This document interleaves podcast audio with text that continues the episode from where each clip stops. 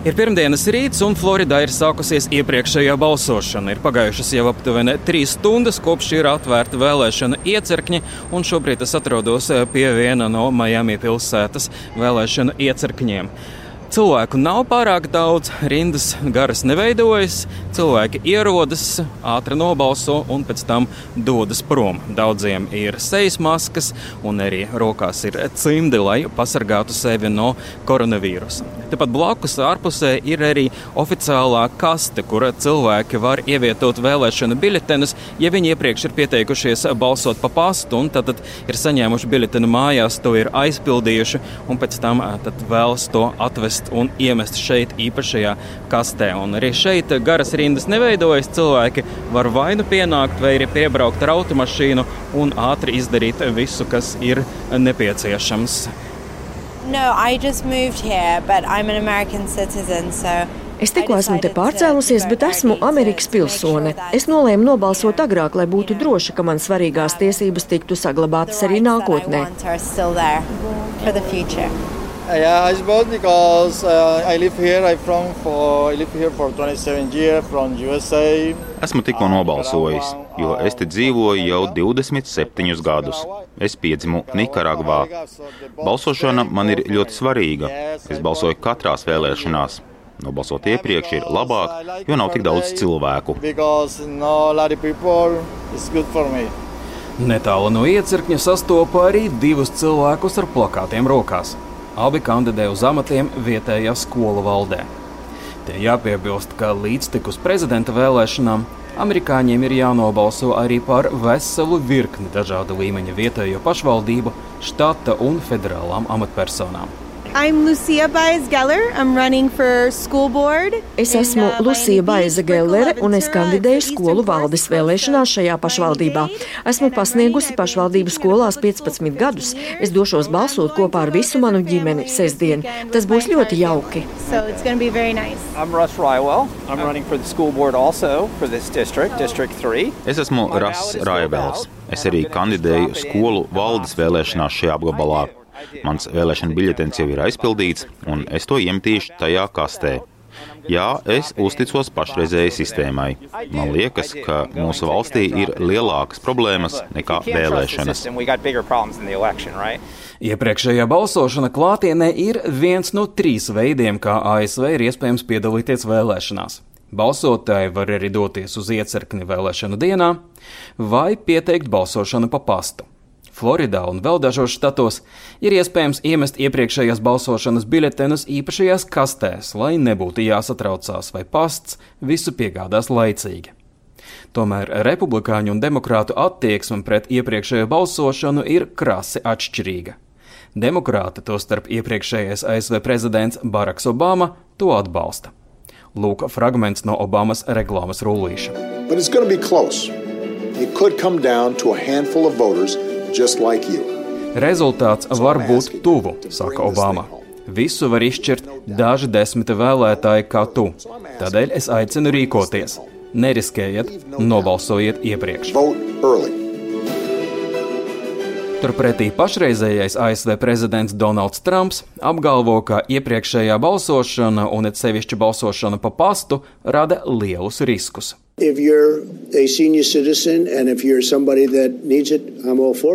Ja jūs esat vecs cilvēks un jums tas tiešām ir nepieciešams, tad es to atbalstu. Bet jums ir jāuzmanās, jo viss, kas notiek ar šo biļetenu apkopošanu un pārējām lietām, tūkstošiem balsu tiek savāktas vienu vietu un tad tiek nomestas iecirknī. Un pēkšņi jūs zaudējat vēlēšanas, kurās jums bija labas izredzes uzvarēt.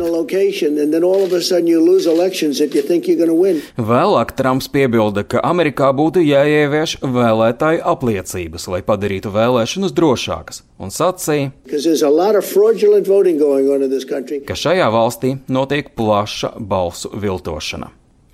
Trumps uzteica, ka balsošana pa pastu pieļauj fiktīvu biļetenu iesūtīšanu.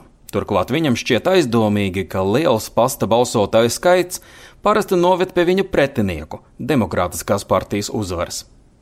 Tomēr milzīgais vēlētāju skaits, kas šogad ir nolēmis piedalīties iepriekšējā balsošanā, liecina, ka ne visi vēlētāji piekrīt pašreizējā prezidenta sacītajam.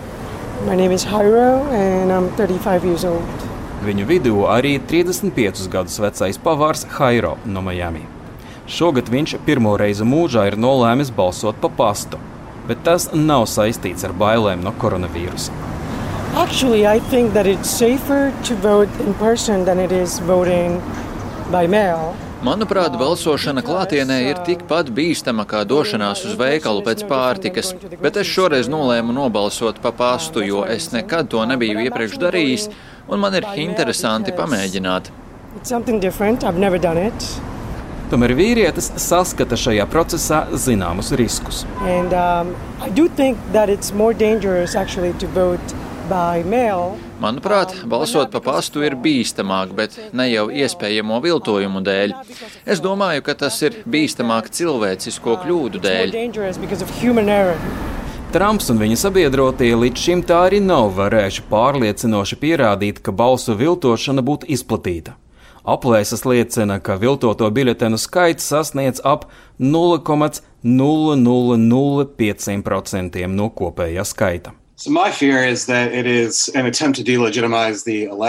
Man ir bažas, ka tas ir mēģinājums apšaubīt vēlēšanu leģitimitāti un mēģinājums sagatavot augsni tam, lai Trumps varētu palikt amatā, pat ja viņš zaudē. Um, tas ir Mēķis Frīmens. Viņš konsultē uzņēmumus un organizācijas daudzveidības un iekļaušanas jautājumos. Mūsu saruna notiek caur Zoom, jo viņš dzīvo Ričmondas pilsētā, Virģīnijā. Dažādām grupām ir izdevīga augsta balsotāju aktivitāte, bet citiem tā kaitē. Un pašreiz izskatās, ka republikāņiem augsta aktivitāte nenāk par labu. Republikāņu pamata atbalsta grupa ir baltādainie vecāka gadagājuma cilvēki, un to skaits mūsu valstī sarūk. Tādēļ viņiem ir izdevīgi sarežģīt balsošanu un radīt dažādus šķēršļus. Savukārt demokrātus kopumā atbalsta lielāks iedzīvotāju skaits, bet viņu vidū ir arī nabadzīgāki cilvēki, kuri nevar izbrīvēt laiku no darba, lai nobalsotu, jo vēlēšanu diena nav brīvdiena necessarily get off on election day because it's not a holiday here, right? Te jāatgādina, ka vēlēšanas Amerikā notiek otrdienās. Skaļākais pēdējā laika gadījums ir saistīts ar Teksasas gubernatora republikāņa Grega Abota lēmumu krasi samazināt to vietu skaitu, kur iepriekšējās balsošanas biļetenus ir iespējams iemest urnā. Šāds lēmums nozīmē, ka vairākiem miljoniem cilvēku ir jādodas stundu ar automašīnu, lai atdotu savu balsi vienā vietā.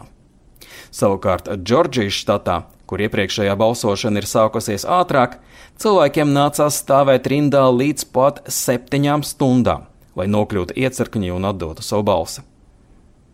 Teksasas gubernators Abots apgalvo, ka limitējot iepriekšējās balsošanas vietu skaitu, viņš ir padarījis vēlēšanas drošākas un samazinājis iespēju nelikumīgi nobalsot.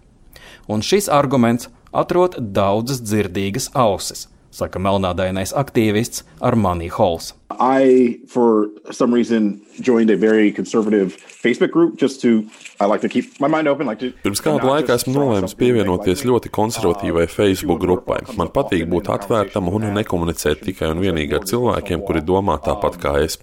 Jautājums par vēlēšanu viltošanu ļoti regulāri parādās diskusijās un ierakstos, kas tur tiek ievietoti.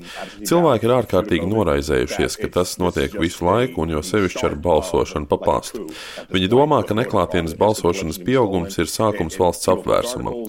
Viņi domā, ka uzvara tiks nozagta. Cilvēki ievieto dažādus rakstus par šo tēmu, kas pārsvarā ir viedokļi, kas tiek uzdoti par faktiem, jo nav īstu pierādījumu balsu viltošanai, bet tas ir kļuvis par ļoti karstu jautājumu. Cilvēki par to runā visu laiku time. Tāpat kā Frīmens, arī aktīvists Hols saka, ka pasta balsošanas apšaubīšanai un šķēršļu likšanai ir skaidra saikne ar rasu nevienlīdzības jautājumiem ASV. Jo starp nabadzīgākajiem iedzīvotājiem ir krietni vairāk cilvēku, kuru ādas krāsa nav balta un viņiem mēdz būt grūti izbrīvēt laiku, lai nokļūtu iecirknī vai izpildītu citas formalitātes. Like that, that, that Man kā melnādainam cilvēkam šķiet, ka no mums gandrīz vai tiek prasīts izlikties, ka mēs to neredzam. Viņi saka, ka nekad to neko tādu nav teikuši. Bet viņiem tas nav tieši jāsaka. Es tāpat to apzinos vienkārši tādēļ, ka esmu bijis melnādains visu savu dzīvi. Tomēr man ir grūti par to pārliecināt baltādainos cilvēkus, jo viņi atbild, ka politiķi nekad neko tādu nav teikuši. Viņi negrib noticēt, ka kādam sirdī varētu būt ļauni nolūki. Jau tagad izskan prognozes, ka liela pasta biļetenu skaita dēļ galīgie vēlēšanu rezultāti varētu nebūt zināmi pat nedēļu pēc vēlēšanām. Un var diezgan droši prognozēt, ka izskanēs nemazums viedokļu, kas apšaubīs rezultātu. It sevišķi, ja Trumps zaudēs. Arcums Konahaus Latvijas Rādio no Miami, Floridā.